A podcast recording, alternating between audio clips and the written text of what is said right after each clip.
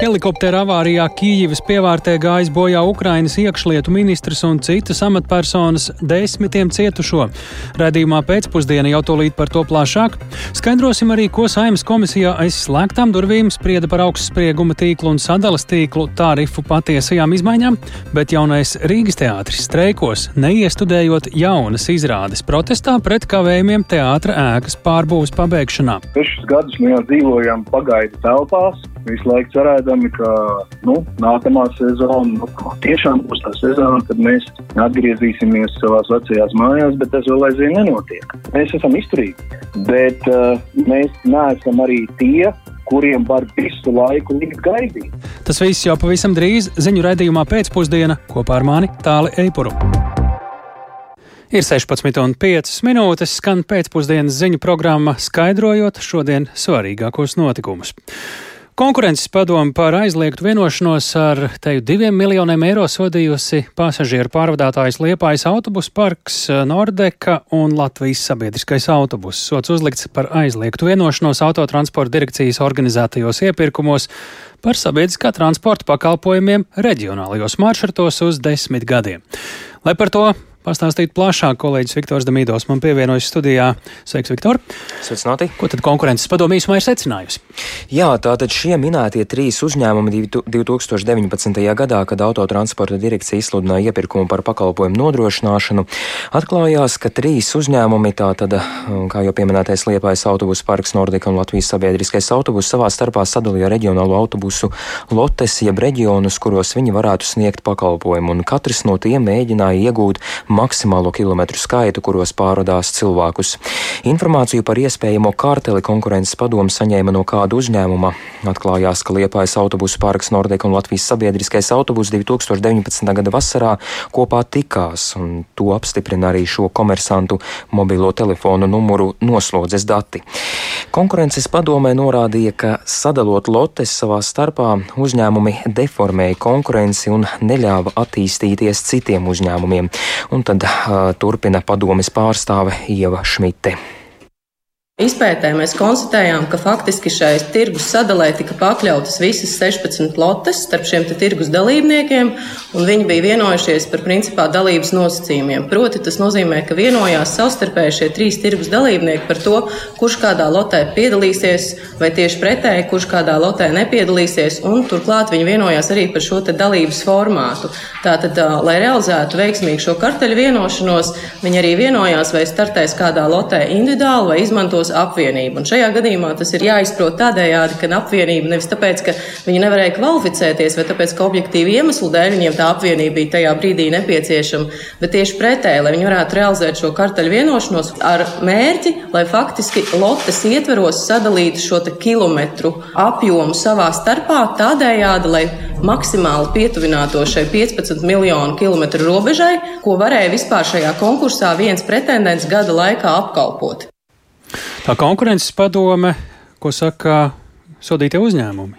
Jā, tā tad eh, komersanti pagaidām atbildēs ir visai atturīgi un vien, vien norādot, ka viņu lēmumam nepiekrīt. Un plašāk um, tā tad, piemēram, viedokli izteica mm, Nordeka, mm, rakstiski atsūtot ziņu, ka uh, citēju noraida izvirzītos apgalvojumus par it kā aizliegtu vienošanos. Nordeka ieskatā konkurences padome ir tendenciozi vērtējusi lietā esošos pierādījumus un lietas dalībnieku sniegtos paskaidrojumus. Un līdz ar to viņi ir nonākusi pie kļūdainiem secinājumiem. Tāda citāta beigas. Vien piebildīšu, ka viņi gatavo lēmumu pārsūdzēt. Un nu pats saņēmu ziņu arī no skatos Liepājas autobusa parka, tā tad līdzīgi kā Nordeka. Viņi uzskata, ka konkurences padome nav pienācīgi izvērtējusi visus apstākļus, kā rezultātā ir nonākusi pie kļūdainiem secinājumiem, un arī Liepājas autobusa parks centīsies pierādīt savu godprātību un vainas nēsamību. Jā, nu, vēl, protams, ļoti daudz un ļoti vērīgi uz šo klausās visi tie, kuri strādā šajā nozarē. Tie ir pietiekami lieli pārvadātāji. Arotbiedrība arī ir savu vērtējumu izteikusi. Mm -hmm, jā, es sazinājos ar Latvijas sabiedrisko pakalpojumu un transporta darbinieku arotbiedrību Lakars. Un tur uzskata, ka šādi konkurences padomjas paziņojumi met ēnu uz iepirkumiem. Jāatgādina, ka vēl piecās lotēs, jeb reģionos, iepirkums ilgst jau trīs ar pus gadus, bet regulāri rodas kaut kādi iebildumi pret pašu kārtību un tiem nosacījumiem. Atgriežoties pie šīs dienas notikuma, tad arotbiedrības vadītājs Juris Kalniņš uzskata, ja uzņēm, uzņēmumi nespēs lēmumu pārsūdzēt, tad ciest nopietni var autobusu vadītāji, un tad lūdzu paklausīsim klausīsimies viņa teikto. Ja pārvadātāji, kurus vaino šajos pārkāpumos, neprotestēs vai neiesniegs pretprasības, ja, šajā jautājumā, nu tad eh, tas ir tiešām ļoti bēdīgi, ja, ja tādas naudas summas jāmaksā un, un um, kādiem līdzekļiem tā tiks maksāt un kādu iespaidu atstās arī uz transporta darbinieku algām un citām sociālām garantijām. Tās, protams, ir bažas.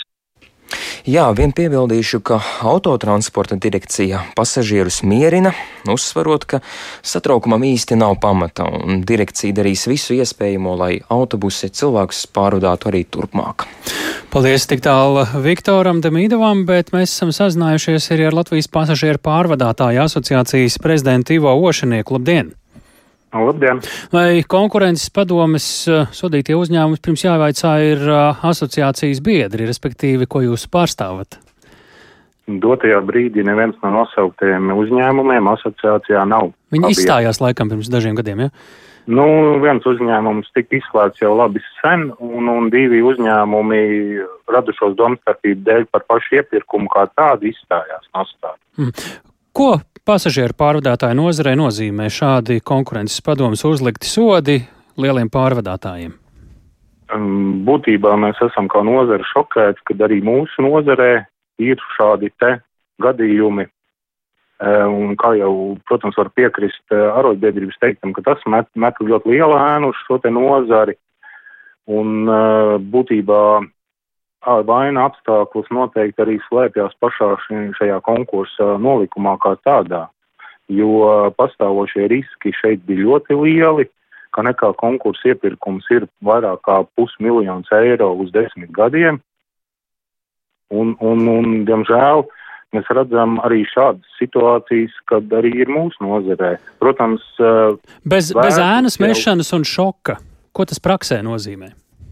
Nē, nu, tas praksē šobrīd būs mēs kā nodarbs pārstāvji gaidīsim satiksmes ministrijas un autotransporta direkcijas rīcību attiecībā uz šo te tālāko rīcību, attiecībā arī uz šiem noslēgtiem līgumiem. Kaut viņi publiskā telpā šobrīd ir pauduši, ka noslēgtie līgumi turpināsies, bet, nu, tad ir rodās jautājumi, kā šo tūkot tiem uzņēmumiem, kuri konkursā nav uzvarējuši un, ir, un būtībā ir izmesti no, še, no šī tirgus. Un kā jūs to tulkojat?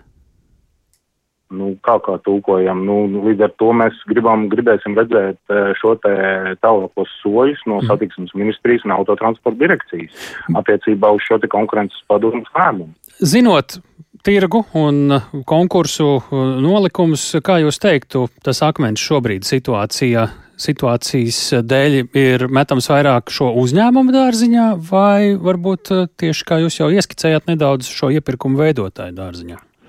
Mm, attiecībā uz šo konkurences padomus lēmumu, protams, primāri ir šo uzņēmumu. Jo nu, konkurences padomus šādi līdzīgi lēmumi ir bijuši arī iepriekš citās nozarēs. Un tad man ir jāsaka, diemžēl, ar nožēlu, ka uzņēmumu vadības nav spējušas saprast uh, to nopietnību šādām, šādiem procesiem. Vai skatoties uz konkursiem, cenām, citām pazīmēm, nozarē līdz šim netika runāts, vai arī nebija pamatā izdomām par kādu iespējamu karteli, jo to jau var varbūt pat secināt, ka tās darbības izskatās aizdomīgi saskaņotas, piemēram. Vai ir ne, bijusi tāda aizdoma ēna kādam? Ne, nu redziet, eh, aizdoma ēna var būt, bet ir jābūt pierādījumiem un tos pierādījumus, protams, var iegūt tikai kompetentās iestādes. Līdz ar to mums kā nozars asociācijai, jā, mēs varam izdarīt secinājumus attiecīgi vienā vai otrā brīdī, bet mums nav nekādi instrumenti un, teiksim, pierādījumi tam konkrētam faktam. Kas jums, um, kādi secinājumi pāris vai galvenais jums jau bija aiz auss, pirms vēl bija konkurences padomas lēmums, kas radīja aizdomas? Mm, es, kā jau iepriekš teicu, mums šī ēna jau par šo iespējamo tirgus pārdali jau nozare ir no 2008. gada. Kura pazīme par to liecināja? Kad, kad, kad pirmo reizi jau tika rīkots konkurss uz starppilsētu pārvadājumiem, un kad eh, bija jau mēģinājumi, teiksim, samazināt šo te lotu skaitu, uh, lai, lai būtu mazāk lotes konkursā. Ja šie konkurences padomus lēmumi paliktu spēkā, viņi gan mēs dzirdam eh, to pārsūdzēti, eh, un šie dalībnieki vairs nevarētu piedalīties konkursos, ko tas nozīmē nozarei kopumā? Mm, nu, ne, nu, nozarei, protams, ir jāmeklē būtu risinājumi, kā, teiksim, nodrošināt šo te pakalpojumu apjomu, O, ja, teiksim, kaut kādu pakalpojumu apjomu tiktu izslēgti, kuros vairs nevarētu piedalīties šie pārvadātāji. Bet, kā es šobrīd saprotu, tāpēc no autotransporta direkcijas, ja esošie līgumi šobrīd netiek skarti, tad uh, būtībā jau uh, pārvadājumi šobrīd nav ietekmēti. Nu jā, tas ja nākotnē. Skarti, nu, nākotnē, bet nu, iepirkums ir uz desmit gadiem. Tāpēc šeit ir būtisks jautājums par šo te pasūtītāju kā gādīgi, rūpīgi saimnieku tālāko rīcību. Ja tiešām paliek spēkā šis uh, konkurences padomas lēmums, nu, tad ir nopietni jautājumi, vai šie uzņēmumi var šo pakalpojumu pildīt līdz mm. savu līgumu beigām. Paldies par sarunu Ivo Ošaniekam, Latvijas pasažieru pārvadātāju asociācijas prezidentam. Mēs pievēršamies notikumiem ārpus Latvijas traģēdiju Ukrainā. Helikoptera avārijā šorīt gājuši bojā Ukrainas iekšlietu ministrijas vadība, ieskaitot ministru Denisu Monastīrski. Bez viņa gājuši bojā 14 cilvēki, tā skaitā arī bērni. Lidaparāts nogāzies Kijivas apgabala Brovaru pilsētā aptuveni 20 km no galvaspilsētas. Lai uzzinātu vairāk par negadījumu, mēs esam sazinājušies ar kolēģi Rihardu Plūmi. Sveiks, Rihard! Jā, labdien! Kā notika avārija un kāda ir jaunākā informācija par katastrofu? Eh, šis te Francijā ražotais eh, helikopters šorīt nokrita līdzās bērnu dārzam, eh, aizķerot bērnu dārza ēku, un Ukrainas prezidenta birojas paziņoja, ka helikopters bijis ceļā uz vienu no karstajiem punktiem frontes līnijā. Katastrofas vietā izcēlās uzreiz arī ugunsgrēks, nodarīti bojājumi arī līdzās esošai daudz dzīvokļu ēkai, redzamas vairākas bojātas mašīnas un citi objekti, arī helikoptera atlūzas. Ir izskanējusi arī informācija, ka negadījuma laikā apkārtnē bijusi bieza migla, meklēšanas un glābšanas darbi joprojām turpinās. Pašreiz tiek ziņots, ka bojā gājuši kopumā 14 cilvēki, 9 no tām ir personas, kas atradās helikopterā, un tās bija 6 iekšlietu ministrijas amatpersonas un 3 apkalpes locekļi. Eh, gājuši bojā arī eh, aptuveni 4 bērni, pēc slimnīcās nogādāti vismaz 25 ievainotie, no tiem 11 bērni. Ik pa laikam šī situācija par eh, cietušajiem, par cietušo mm, apmēru mainās. Šobrīd šādi dati. Nu, zinot kontekstu, ka Ukrainā joprojām notiek kara darbība, īpaši svarīgs ir jautājums par traģēdijas iemesliem. Vai tie ir zināmi, vai arī cik daudz par tiem ir zināms? Jā, nu kara dēļ, protams, eh, rodas šie jautājumi arī, cik papētīja sociālajos tīklos vairāki, nu tā teikt, Kremļa troļi izplat arī informāciju, ka it kā šo helikopteru būtu notriekusi Ukrainas pretgaisa aizsardzība, taču šādu ziņu eh, vispār uh, nav, un tā, tas, protams, netiek izskatīts. Traģēdijas iemesli joprojām nav zinām, taču, protams, izskan dažādas versijas, un Ukrainas drošības dienests vēsta, ka tā izmeklētāji ir sākuši izmeklēšanu par traģēdiju, un dienests min, ka izskata vairākas notikušā versijas. Eh, starp iespējamajiem negadījuma iemesliem ir lidojuma noteikuma pārkāpšana, helikoptera tehniski bojājumi un kā trešais tiek izmeklētas arī eh, iespējamas apzinātas darbības, lai iznīcinātu lidaparātu. Un šī trešā versija eh, attiecas uz to, kas vairākiem cilvēkiem varbūt ir prātā, proti, vai tā bijusi Krievijas sabotāža. Bet Ukrāņu medijas Uniona vēsta, ka Francijā ražotajam helikopteru modelim bijušas vairākas tehniskas problēmas, par kurām specializētie mediji ir vēstījuši jau pirms vairākiem gadiem un šo problēmu nozīmīgumu apstiprināja tiesas prāvas pret kompāniju Airbus Helikopters, un arī 2009. gadā šāds helikopters savarēja jūrā pie Skotijas krastiem un bojā gāja 14 cilvēki toreiz. Un vēl noslēgumā vēlos minēt, ka Ukrainas valdība pēc ministra Monastīrska bojājas šodien arī grasās izraudzīties jaunu iekšlietu ministru, un tieši šobrīd arī uh, to dara. Paldies! To mēs sakām šobrīd Rihardam Plūmēm, bet helikoptera avārijas vietu Brovarī pilsētā šodien apmeklēja arī Latvijas radio korespondente Kijuvā Indras Prānce, un šobrīd esam sazinājušies ar Indru. Labdien! Labdien! Kāda tur bija situācija, ko tu redzēji, kad tu ieradies? Jā, es ierados uh, tur īsi pirms pulksten 12. un uz uh, to brīdi visi cietušie jau bija nogādāti slimnīcās. Un uh, visa tā teritorija, kur uh, bija nokritis helikopters, uh, ir, uh, bija norobežota. Uz vietas atradās liels skaits dažādu dienas darbinieki. Um, pie vissmagāk cietušās sēkas uh, bērnu dārzi joprojām turpināja strādāt arī glābēji. Uz vietas dežūrēja arī mediķi, bija ieradušies arī psihologi un dažādi sociāli dienas darbinieki, jo uh, turpat uz vietas uh, bija, bija redzams arī, ka bija sanākuši cilvēki, kas zaudēja tuviniekus. Un uh, viņiem tika sniegts viss iespējamais atbalsts šajā grūtajā brīdī, un, protams, atmosfēra bija patiešām ļoti smaga.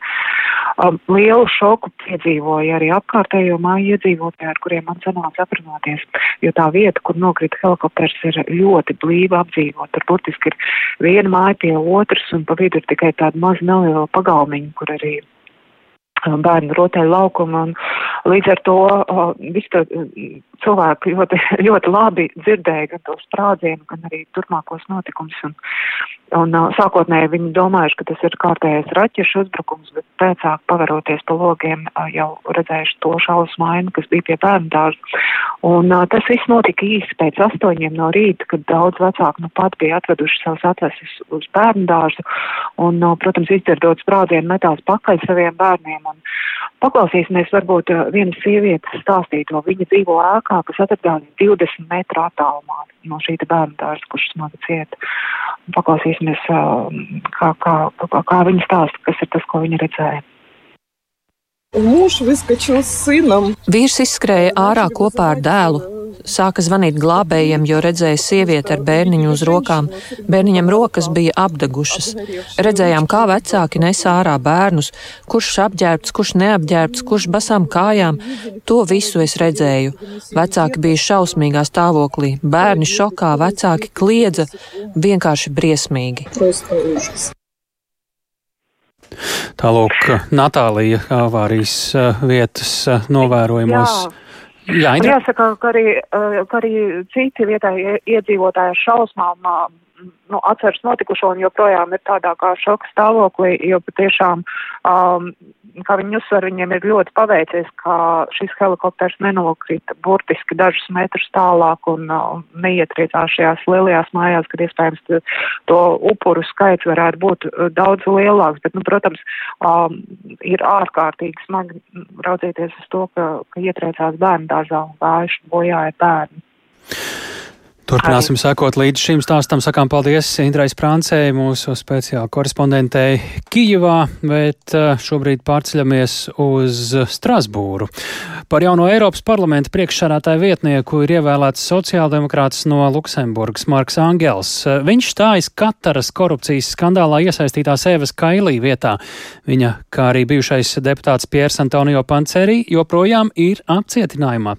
Tomēr Beļģijas prokuratūra vakar paziņoja, ka ar Panceri Panceri ir panākta vienošanās par sadarbību ar izmeklētājiem apmaiņā pret samazinātu sodu. Strasbūrā šobrīd atrodas mūsu korespondents Arķoms Konohovs, ar viņu esam sazinājušies tiešraidē. Labdien, Arķom! Jā, labdien! Kādēļ ievēlēts tieši Marks Angels par jauno Eiropas parlamenta priekšsarētāju vietnieku? Versijas var būt dažādas, bet visticamāk sociāldemokrāti ir izvirzījuši tieši Marku Angelu tādēļ, ka uz viņu nekrīt nekādas aizdomas par iespējamo saistību ar tā dēvēto Kataras kukuļošanas lietu. Viņš tiešām no tā ir stāvējis ļoti tālu un viņam arī ir pietiekami laba reputācija. Viņš bijis pietiekami aktīvs deputāts, kaut arī šis viņam ir tikai eh, pirmais sasaukums. Es aprunājos uzreiz pēc eh, rezultātu paziņošanas ar Marku Angelu un vaicāju, kas tad viņuprāt ir eh, tās īpašības, kas palīdzēja viņam nokļūt šajā amatā, un lūk, ko viņš atbildēja uz šo jautājumu.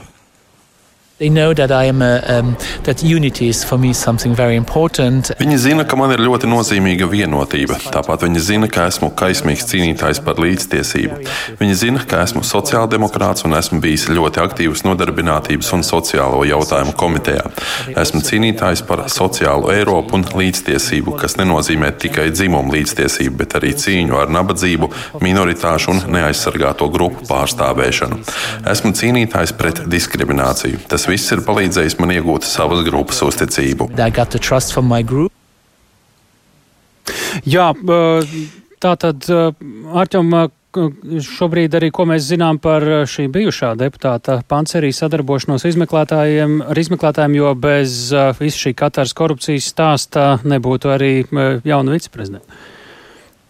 Tieši tā, šī vieta nebūtu atbrīvojusies, un ir skaidrs, ka abas lietas ir sasaistītas ļoti cieši. Un, kā raksta daži e, plašsaziņas līdzekļi, tad e, varētu būt e, diezgan bez, bez, bezmiega naktis tagad šeit Eiropas parlamenta deputātiem vai viņu palīgiem vai kādiem citiem iesaistītiem cilvēkiem, jo šis bijušais deputāts Pancērī ir paziņojis, ka viņš sadarbosies, un prokuratūra to apstiprina, un viņam līdz ar to varētu būt mazāks sots.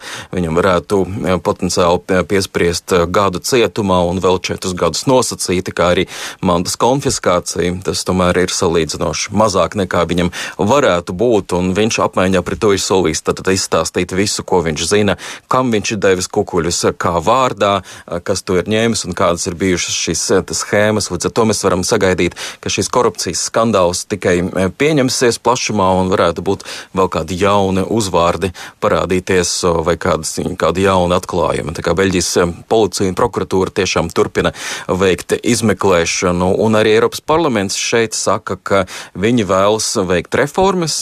Pirmdien Eiropas parlamenta priekšsēdētāja Roberta Metsola ir nākusi klajā ar uh, savām idejām par to, kādas reformas būtu nepieciešamas, lai veicinātu caurskatāmību, lai mazinātu iespējas deputātiem ņemt kukuļus. Bet, nu, protams, ir arī tādi cilvēki, kas saka, ka nekāda administratīvā kontrola nekad ne, pilnībā neiz izslēgs iespēju negodīgiem cilvēkiem paņemt naudas žūkstni, ja ne viņi tiešām to vēlas.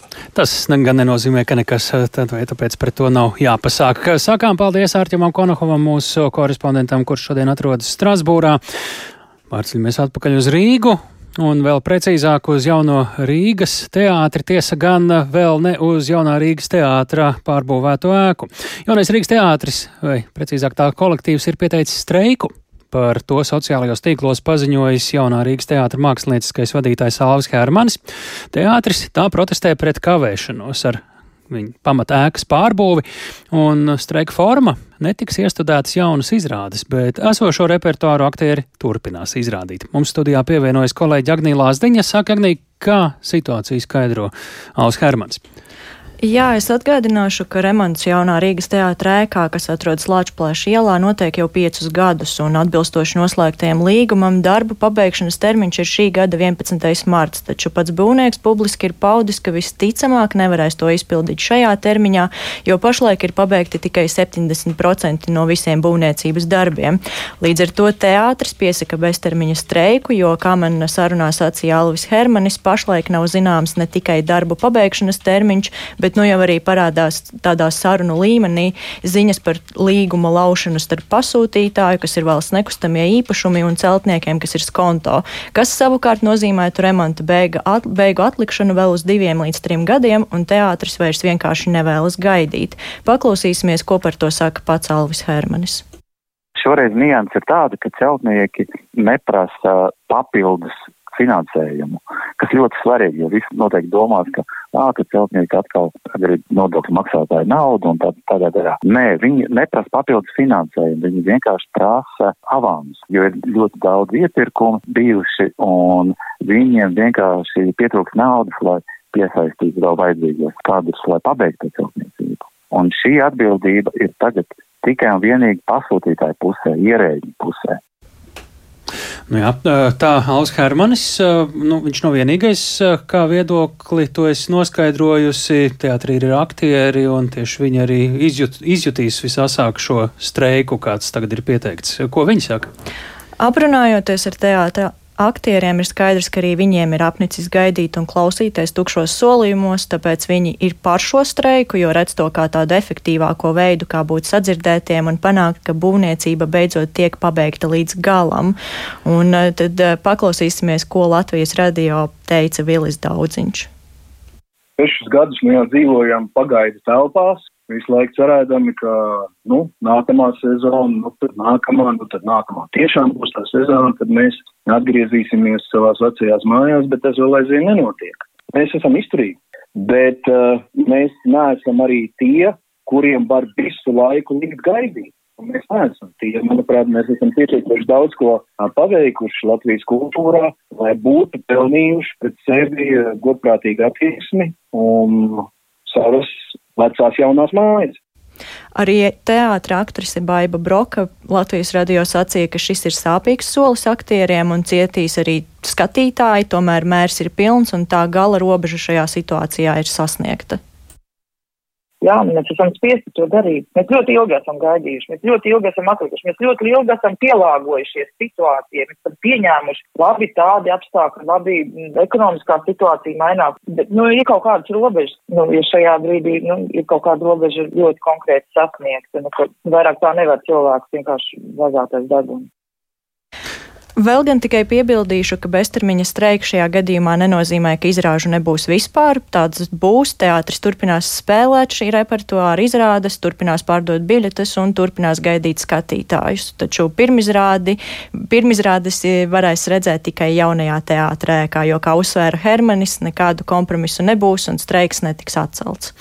Paldies, Agnija! Mēs sazinājāmies arī ar valsts nekustamajiem īpašumiem, kas ir pasūtītājs pārbūvēji jautājām Jeļenai Gavrilovai, eh, vēl valsts nekustamā īpašumu valdes loceklei, vēl pirms teātra streika paziņojuma arī šī iestāde uzsvēra, ka atkārtot prasīs būvniekiem ievērot termiņu 11. martu, un kāda tad īsti eh, varētu būt kādi var būt šķēršļi šim scenārijam, ko savukārt piedāvā teātris, lai septembrī varētu jau ieiet jaunajā ēkā.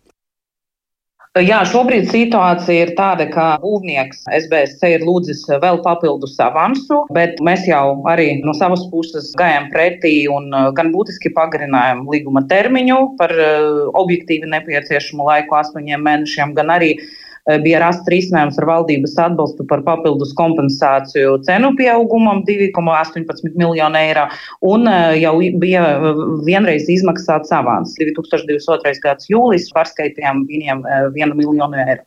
Un šobrīd ar papildus avansu ir tā.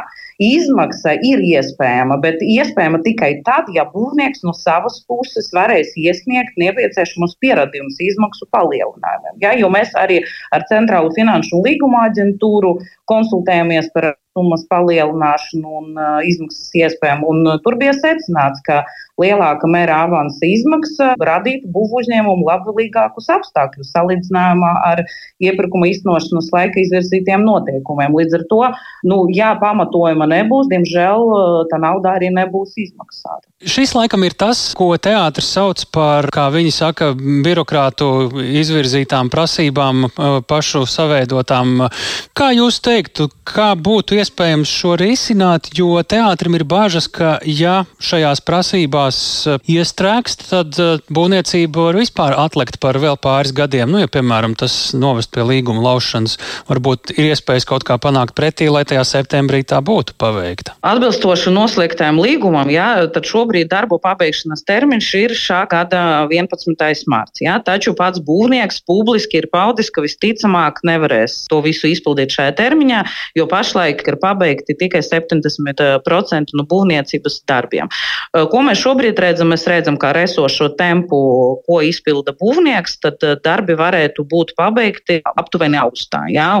Un eh, tad šodien četros būvniecības uzraudzības sanāksmē mēs vēlamies vienoties ar būvnieku, ar SBSC par konkrētiem būves nodošanas termiņiem. Šobrīd mēs, protams, ka visu plānojam pabeigt pēc iespējas ātrāk un meklēsim risinājumu. Cik reāls ir scenārijs, ka līgums tiek lausts, un tad process varētu krietni ievilkties. Vai arī jūs mēģināsiet tādu scenāriju nepieļaut? Mums šodien uz galda šāda scenārija nav un darīsim visu iespējamo, lai tā teātris ir pabeigts līdz sezonas sākumā. Un tas variants vai ceļš, kuru jūs redzat kā iespējamu risinājumu? Nu, to, ko mēs gribam no būvnieka puses, ir sakartot jautājumu ar savu naudas plūsmu, tādā veidā kāpinot būvniecības tempus, jo tas viss vēl ir iespējams. Ja viņi pieliks klāt 15-20% no apgrozamiem līdzekļiem katru mēnesi, tad viņi ātri varēs paspēt pabeigt teātri līdz augustam. Tas viss šobrīd ir atkarīgs no būvnieka naudas plūsmas. No savas puses, eh, mēs, ko mēs varējām, mēs izdarījām visu, jā, ka pasūtītājs, eh, kas, kas bija iespējams un kas no mums bija atkarīgs. Tālūk, valsts nekustamo īpašumu valdes locekle Jeļena Gavrilova komentējot eh, šīs dienas paziņojumu no jaunā Rīgas teātra, ka viņi sāk streiku, tā cenšoties veicināt jaunās teātra ēkas pārbūves pabeigšanu pēc iespējas ātrāk. Streiks gan nav izrāžu atcelšana, pilnībā nebūs jaunu izrāžu, tās būs tikai jaunajā vai atjaunotajā ēkā. Bet kamēr viena kultūras mājvieta vēl tiek būvēta, kāda cita tikai ieceres līmenī. Moderna koncerta zāle ar 1300 skatītāju vietām un simfoniskā orķestra skanējumam piemērot akustiku lielajā zālē un 350 vietām kameras zālē. Tāda ir iecerēta Rīgas akustiskā koncerta zāle, jeb kā to turpmāk sauks Rīgas filharmonija. Kultūras ministrija sadarbībā ar Rīgas domu šodien izsludināja starptautisku metu konkursu, aicinot projektēt Rīgas filharmoniju. Tai jātop pārbūvējot Rīgas kongresu namu. Plašāk Zanis Enīs sagatavotajā sižetā. Topošajai Nacionālajai akustiskajai koncertzālē izraudzīts nosaukums - Rīgas filharmonija. Tam jākļūst par starptautiski pazīstamu zīmolu, līdzīgi kā Parīzes vai Berlīnas filharmonijai. Tā izsludinot Rīgas filharmonijas metu konkursu, šodien pauda Rīgas mērs Mārtiņš Staķis. Es esmu īpaši gandrīz par divām lietām. Pirmā ir tā, ka ir izvēlēta šī pieeja, kas arī ir īpaši populāra šobrīd Eiropā un citur pasaulē, kā tiek būvēta nevis jauna ēka, bet gan tiek dota jauna elpa kādai būvē, kas jau ir eksistējusi un varbūt arī savu dzīvi jau nokalpojusi. Šāds risinājums ne tikai ilgspējīgāks, ir, bet arī izmaksu un arī laikziņā efektīvāks. Un otrs, es esmu gandrīz arī par nosaukumu Rīgas filharmonija. Metu konkurss notiks divās kārtās. Paredzēts, ka otrajā piedalīsies seši no pirmajā kārtā izraudzītajiem metiem ar vislabāko arhitektonisko un akustisko risinājumu. Atlīdzība fonds par dalību otrajā kārtā ir 180 tūkstoši eiro, bet balvu fonds - 60 tūkstoši. Par kolektīviem, kuru mājvieta būs topošā koncerta zāle, stāsta kultūras ministrijas valsts sekretāre Dace Vilsone. Tad galvenie lietotāji Latvijas Nacionālais simfoniskais orķestris un uh, Latvijas koncerti, kā šī objekta un koncerta dzīves veidotāja kopumā ar tā diviem kolektīviem. Tas ir Latvijas radio koris un Latvijas radio big bands. Paredzēts, ka Rīgas filharmonijā būvēs arī ērģelis, taču tas jau attiecas uz tālākiem plāniem. Jo konkurss ritēs saskaņā ar grafiku, līdz šī gada beigām ar uzvarētāju tiks noslēgts līgums par būvprojektu izstrādi, bet būvniecība varētu sākties 2027. gadā. Iepriekš izskanējis, ka projektu kopējās izmaksas pārsniegs 60 miljonus eiro. Zana Eniņa, Latvijas radio. Daudz projektu izmaksas šobrīd ietekmē energo izmaksas, un tarifi par elektroenerģijas sadali un pārdali no vasaras noteikti būs zemāki nekā rudenī regulātoram sākotnēji iesniegtie. Tarifu pieaugumu ierobežot ļaus arī jaunākās energoresursu izmaksas prognozes. Viens no mērķiem - tarifu pieaugumu ietekmē neapdraudēt uzņēmēju konkurētspēju Baltijā. Par augstsprieguma tīklu un sadals tīklu tarifu izmaiņām šodien aizslēgtām durvīm sprieda Saimnes tautsēmniecības agrārās vidas un reģionālās politikas komisija un par tarifu pārskatīšanu interesējās kolēģis Jānis Kīns, kurš pievienojas arī studijā. Jāna energoresursu cenas šobrīd ir krietni zemākas nekā eh, brīdī, kad eh, šo tarifu izmaiņas eh, iesniedz regulātoram. Vai un kā tas tad ietekmēs tarifu izmaiņas un uh, kad tieši izskatās, tās varētu stāties spēkā? Jā, sveicināti. Īsā atbilde ir jā. Zemākās cenas noteikti ietekmēs šos tarifus, un atgādināšu visu šo sāgu īsos vārdos, proti, ka pērn rudenī augstsprieguma tīkla iesniegtais elektroenerģijas pārvades tarifu projekts paredzēja to jau no 1. marta vairāk nekā četrkāršot. Savukārt sadalas tīkla jaunais tarifs eh, projekts paredzēja 75% pieaugumu šādiem, šādiem skaitļiem stājoties spēkā. Latvijā mājsaimniecībām elektrības pieslēgumu varētu izmaksāt visdārgāk Baltijā un tiktu apdraudēt arī mērķi saistībā ar atjaunojamo energoresursu daļas pieaugumu elektroenerģijas tirgū. Sekoja premjera rezolūcija meklēt mazāka pieauguma iespējas un jau decembrī jaunievēlētais klimata un enerģētikas ministrs Raimons Čudars no jaunās vienotības vēstīja, ka tarifa pieaugums varētu būt uz pusi mazāk augstākas nekā sākotnēji izskanējis. Elektrības cenu kāpums ir bijis objektīvs rādītājs, kas līdz šos tarifus eh, paaugstināt, taču kopš eh, plānot šo tarifu paaugstināšanu, taču kopš rudens eh, to cenas ir būtiski biržā kritušās. Un to ņems vērā tarifu pārreķinos. Tāpēc Saimnes tautsēdniecības komisijas sēdes uzsvēra augstsprieguma tīkla vadītāja Gunta Jēkabsona. Paklausīsimies viņas teikto. Iesniedzot tarifu projektu, tiek ņemta aktuālā cenas prognoze, tai tiek izmantoti nākotnes Nasdaq biržas darījumi. Un, līdzīgi arī tarifa apstiprināšanas brīdī tiks izmantota tā aktuālā elektroenerģijas cenas prognoze vai ilgtermiņa līgumi. Un tā jaunajā tarifā tiks iekļauta jau tarifa apstiprināšanas brīdī zināma elektroenerģijas cenu prognoze vai faktiskais līgums. Un kurš varētu būt tas brīdis, kad tiek pārskatīts šis tarifs konkrēti, vai tas ir zināms? Ar augstu varbūtību, ka tarifu spēkā stāšanās datums iespējams būtu 1. jūlijas abiem operatoriem, bet no augstsprieguma tīklas puses mēs esam lūguši 1. martu, jo šobrīd mūsu tarifs nesadz izmaksas. No Guntas Jakobsonas teiktā arī saprotams, ka dialogs ar regulātoru turpinās, un diemžēl šis vēl nav brīdis, kad mēs varētu publiskot kādus konkrētus atjaunotos tarifu aprēķinus, un arī ministrijas lūko pēc mehānismiem, lai potenciāli mazinātu jauno tarifu ietekmi. Jā, mēs te dzirdējām energoresursu izmaksas pasaulē. Kas vēl varētu ietekmēt tarifu izmaiņas? Kādi ir vēl faktori? Viena no tādām apspriestām metodēm ir pagarināt periodu, kurā šis jaunais tarifs būs spēkā un pat labi arī vēl tas netiek atklāts, uz cik ilgu laiku to varētu noteikt. Taču tas aprēķins ir tāds, ka tādējādi elektroenerģijas un citu izmaksu svārstības ilgākā laika periodā izkliedētos un arī mazāk ietekmētu augstsprieguma tīklu un sadalas tīklu darbību. Par šādu krīzes laika metodiku visai cerīgi izteicās arī Saimnes tautsēmniecības komisijas vadītāja Linda Matisone no apvienotā saraksta. Izskanēja visvisādi tie priekšlikumi, gan pagarināt to attiecināšanas laiku, gan neierēķināt tarifā neiegūto peļņu. Mēs redzam, ka pie tā visa tiek arī strādāts, tas viss ir arī ņemts vērā. Tātad šie tarifu pieaugumi, es varu nu, tiešām droši apgalvot, ka viņi būs krietni mazāki nekā bija teiksim, pieteikti sākumā.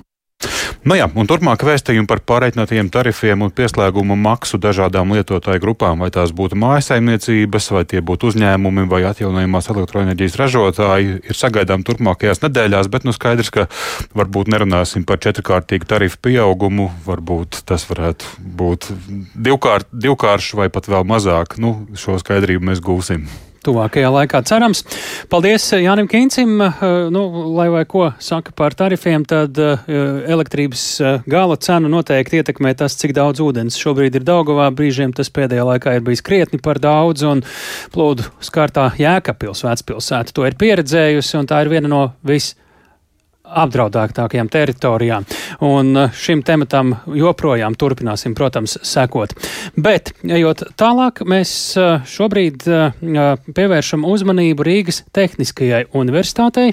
Tur mēs zinām, ka ir atklāta īpaša laboratorija, un tā domāta individuālo aizsardzības līdzekļu testēšanai Kas tad eh, ir tas unikālais un ar ko šī laboratorija būs specifiska? Eh, mēs esam šobrīd eh, sazinājušies ar Rīgas Tehnisko universitāti, lai noskaidrotu precīzāk, kas tad ir šīs laboratorijas trumpi. Sakām labdien! Labdien! Šobrīd, kā jūs teiktu, ar ko ir īpaši šī laboratorija? Laboratorija ir īpaši ar tām iespējām, ar to, ar to testēšanas apjomu, skaitu, metožu skaitu, gan ar tādām bāzes materiālu pārbaudas iespējām, gan arī pavisam jau radošām un ļoti inovatīvām un produktu attīstošām iespējām. Ja? Tātad mēs varam pārbaudīt šķiedru materiālu sastāvu, pašu materiālu tādu performanci, viņu, viņu raksturīpašības lielums, tādus pamatlielumus, un tad jau iet tālāk uz uh, cilvēku mikroklimatu, uz materiālu pārbaudi, kā viņi izturēsies jau apģērbā, kā cilvēks tajos jutīsies, un arī arī to, kā vesels komplekss, kā pilns apģērbs, apģērba komplekts tad sadarbojas ar cilvēku ķermeni un kā ķermenis viņā jūtās. Hmm. Kādas tam ir perspektīvas attīstībai šim visam stāstam, kas ir jūsu mērķi lielie? Lielais mērķis, protams, tāds nu, virsuzdevums laboratorijai ir nodrošināt uh, valsts pārvaldības iestāžu un uh, ministriju, dažādu ministriju pārvaldības iestāžu darbu, jā, tad, tad tos cilvēkus, kuri valkā speciālu uzdevumu apģērbus, nodrošināt ar uh, to, lai viņu specifikācijas iepirkumu un tam līdzīgi tiktu atvieglot, lai nav vairs dārgās izmaksas sūtīt uz ārzemju laboratorijām, testēt materiālus un arī pētniecības jomā, lai mēs varam viņus atbalstīt vairāk un labāk ražot skaistākas, interesantas interesantākas, gudrākas uniformas, tādas, kas viņiem tā kā palīdz darīt savus darba pienākumus, nevis vienkārši ir darba apģērbs. Un divos vārdos, cik unikāla reģionā ir šī laboratorija?